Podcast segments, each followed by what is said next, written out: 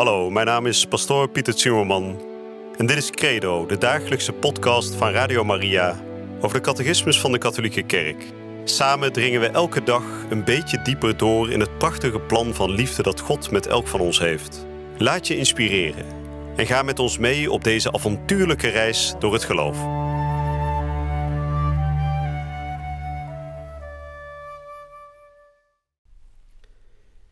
Vrienden, we zijn terug bij Credo, de dagelijkse podcast van Radio Maria.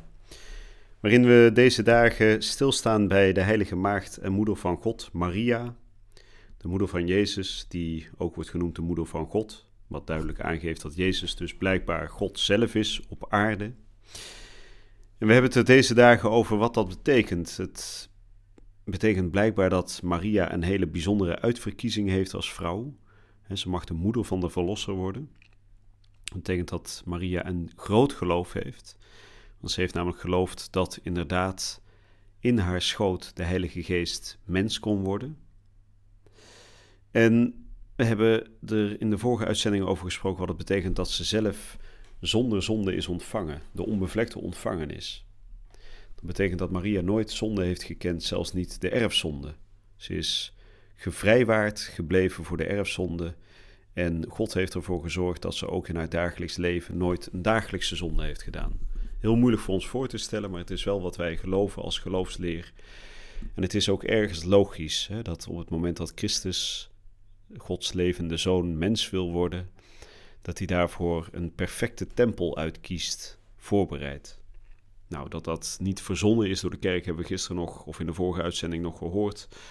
Namelijk doordat we uh, Paulus hebben horen spreken in de brief aan de Efeziërs, waarin Paulus zegt dat de bruid van God heilig en vlekkeloos is voor zijn aangezicht en dat hij als zodanig is voorbereid voor de grondlegging der wereld. Nou, we gaan daar vandaag over doorspreken. En net als de afgelopen uitzendingen zal ik vandaag ook weer openen met gebed. En ik zal net als bij de vorige uitzending openen met de woorden die de heilige aartsengel Gabriel spreekt tot Maria, namelijk wees gegroet. In de naam van de Vader en de Zoon en de Heilige Geest. Amen. Wees gegroet Maria, vol van genade. De Heer is met u. Gij zijt de gezegend onder de vrouwen, en gezegend is Jezus, de vrucht van uw schoot. Heilige Maria, Moeder van God, bid voor ons zondaars nu in de natuur van onze dood. Amen. Ik ga lezen de nummers 495 tot en met 498. Het goddelijk moederschap van Maria.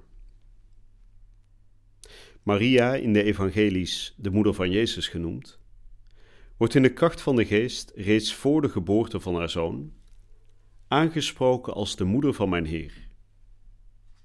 Immers, hij die door haar als mens van de Heilige Geest ontvangen is, en die werkelijk haar zoon naar het vlees geworden is, is niemand anders dan de eeuwige zoon van de Vader, de tweede persoon van de Heilige Drie-eenheid. De kerk beleidt dat Maria werkelijk moeder van God is, in het Grieks Theotokos. De maagdelijkheid van Maria. Vanaf de eerste formuleringen van het geloof heeft de kerk beleden dat Jezus alleen door de kracht van de Heilige Geest in de schoot van de maagd Maria ontvangen is, waarmee zij ook het lichamelijk aspect van dit gebeuren bevestigt. Jezus is ontvangen van de, van de Heilige Geest zonder mannelijk zaad. De kerkvaders zien in de maagdelijke ontvangenis het teken dat het werkelijk de Zoon van God is, die een menselijke natuur zoals de onze aangenomen heeft. Zo zegt de heilige Ignatius van Antiochius in het begin van de tweede eeuw: Gij zijt vervuld van een vast geloof in onze Heer, die waarlijk uit het geslacht van David is, naar het vlees. Zoon van God, krachtens Gods wil en almacht.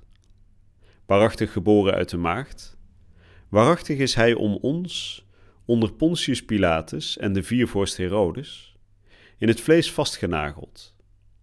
En hij heeft waarachtig geleden, zoals hij ook waarachtig zichzelf heeft opgewekt. De evangelieverhalen zien in de maagdelijke ontvangenis een werk van God dat ieder menselijk begrip en iedere menselijke mogelijkheid te boven gaat. Het kind in haar schoot is van de Heilige Geest, zegt de engel tot Jozef, in verband met zijn verloofde Maria.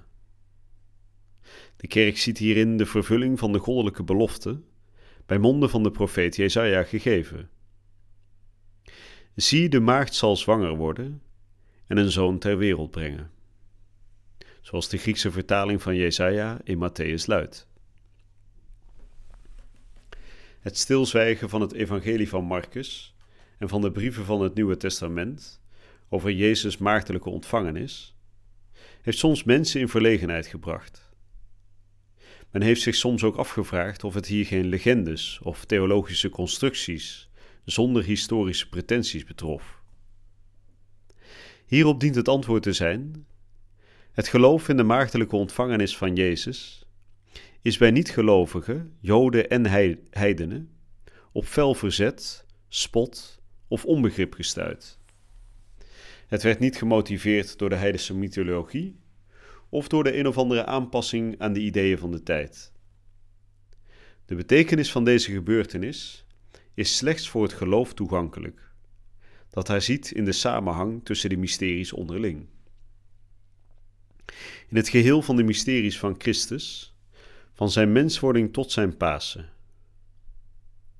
De heilige Ignatius van Antiochië getuigt reeds van deze samenhang. Voor de vorst van deze wereld is de maagdelijkheid van Maria en haar baren verborgen gebleven. Evenals de dood van de Heer. Drie opzienbarende mysteries die in de stilte van God tot stand gebracht werden. En dat was nummer 498, het laatste nummer voor vandaag.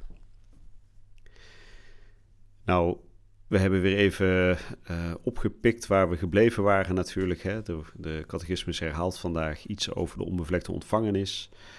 Er wordt ook wat gezegd over um, de maagdelijke ontvangenis van Jezus in de schoot van zijn moeder, maar vervolgens ook het ter wereld brengen, het baren van de Heer. Een gebeuren waarbij Maria haar maagdelijkheid niet verliest. En we hebben net gehoord, Jezus is geboren zonder dat haar zaad van een man aan te pas is gekomen. En dan noemt de catechismus dit een werk van God dat ieder menselijk begrip en iedere menselijke mogelijkheid te boven gaat. Nou, hoe zouden we het ook kunnen noemen? Synoniem daarvoor een wonder. En dan kunt u zeggen, ja, um, is dat echt gebeurd? Kan dat wel? Nou, als we geloven, en ik neem aan dat we dat allemaal geloven, dat Christus aan het kruis is gestorven en op de derde dag is opgestaan uit de dood. Dat zijn lichaam is opgewekt uit het graf. Ja, waarom dan niet geloven dat dit ook mogelijk is? Voor God is niets onmogelijk, zo staat het ook heel duidelijk in het Evangelie verwoord. En er zit een logica in. Ik heb het al vaker proberen uh, aan te geven dat op het moment dat we echt geloven dat God mens wordt, naar de aarde komt, ja, dan moet er ook een goddelijke kiem zitten in al datgene wat er gebeurt. Dus er zit een logica in dat Maria niet zwanger wordt van een gewone aardse man, want dan zou de vrucht van haar schoots ook altijd alleen maar aard, aards zijn geweest. En de vrucht van haar schoot is aards, hè, een menselijke natuur, namelijk georven van de heilige maagd Maria, maar tegelijkertijd ook een goddelijke natuur, georven van de Vader in de hemel. Het is logisch als we geloven dat Jezus God en mens is, dat hij dus zowel een goddelijke als menselijke natuur moet hebben, en dus God als zijn vader en Maria als zijn moeder moet hebben. Nou, niet heel veel nieuwe inzichten, maar toch wel goed om dit een paar keer goed te herhalen, want het is wel zo fundamenteel voor het begrijpen van de rest van alle mysterieën van het geloof, zoals net ook in de catechismus genoemd wordt, dat we hier niet te makkelijk aan voorbij kunnen gaan. Het hele gebeuren van ons geloof, hè, van het Nieuwe Testament, begint namelijk op 25 maart. Hè. 25 maart dan viert de kerk het hoogfeest van Maria Boodschap, zoals dat altijd wordt genoemd. Maria Visitatie, hè, dat is het, de Latijnse uh, variant daarvan. En dat betekent dus dat inderdaad de, uh, de aartsengel Gabriel tot Maria komt en haar aanzegt dat zij de moeder van de verlosser zal worden. En inderdaad, op dat moment ontvangt zij dan in haar schoot de Heilige Geest. En dat gegeven is van zo'n kapitaal belang, 25 maart, dat we natuurlijk negen maanden later het feest van Kerstmis vieren, de geboorte van Jezus. En dat daarmee het fundament is gelegd van alles wat we later zijn gaan zeggen over Jezus Christus. Dus alle dogma's die daar vervolgens uit voort zijn gekomen, die hebben in dat grote mysterie van de menswording in de schoot van de heilige maagd Maria hun oorsprong. Dat is de kiem van alle dogma's van ons geloof. En daarom staan we er ook langer bij stil. Nou, we zullen in de volgende uitzending hier nog verder over doorgaan. We hebben nou gesproken over de maagdelijkheid van Maria. Ze heeft God gebaard en is toch maagd gebleven. En we gaan in de volgende uitzending horen wat het betekent dat Maria altijd maagd is.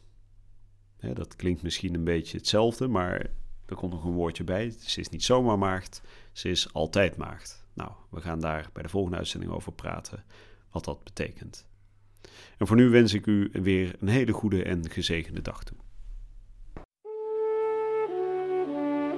Je luisterde naar Credo, de dagelijkse podcast van Radio Maria over de catechismus van de Katholieke Kerk.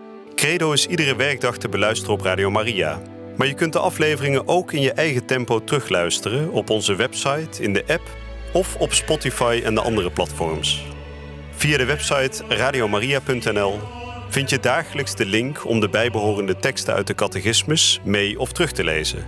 We zijn erg dankbaar voor alle giften die wij mogen ontvangen. Daardoor kunnen we ons goede werk blijven doen. Draag je ook bij aan deze missie?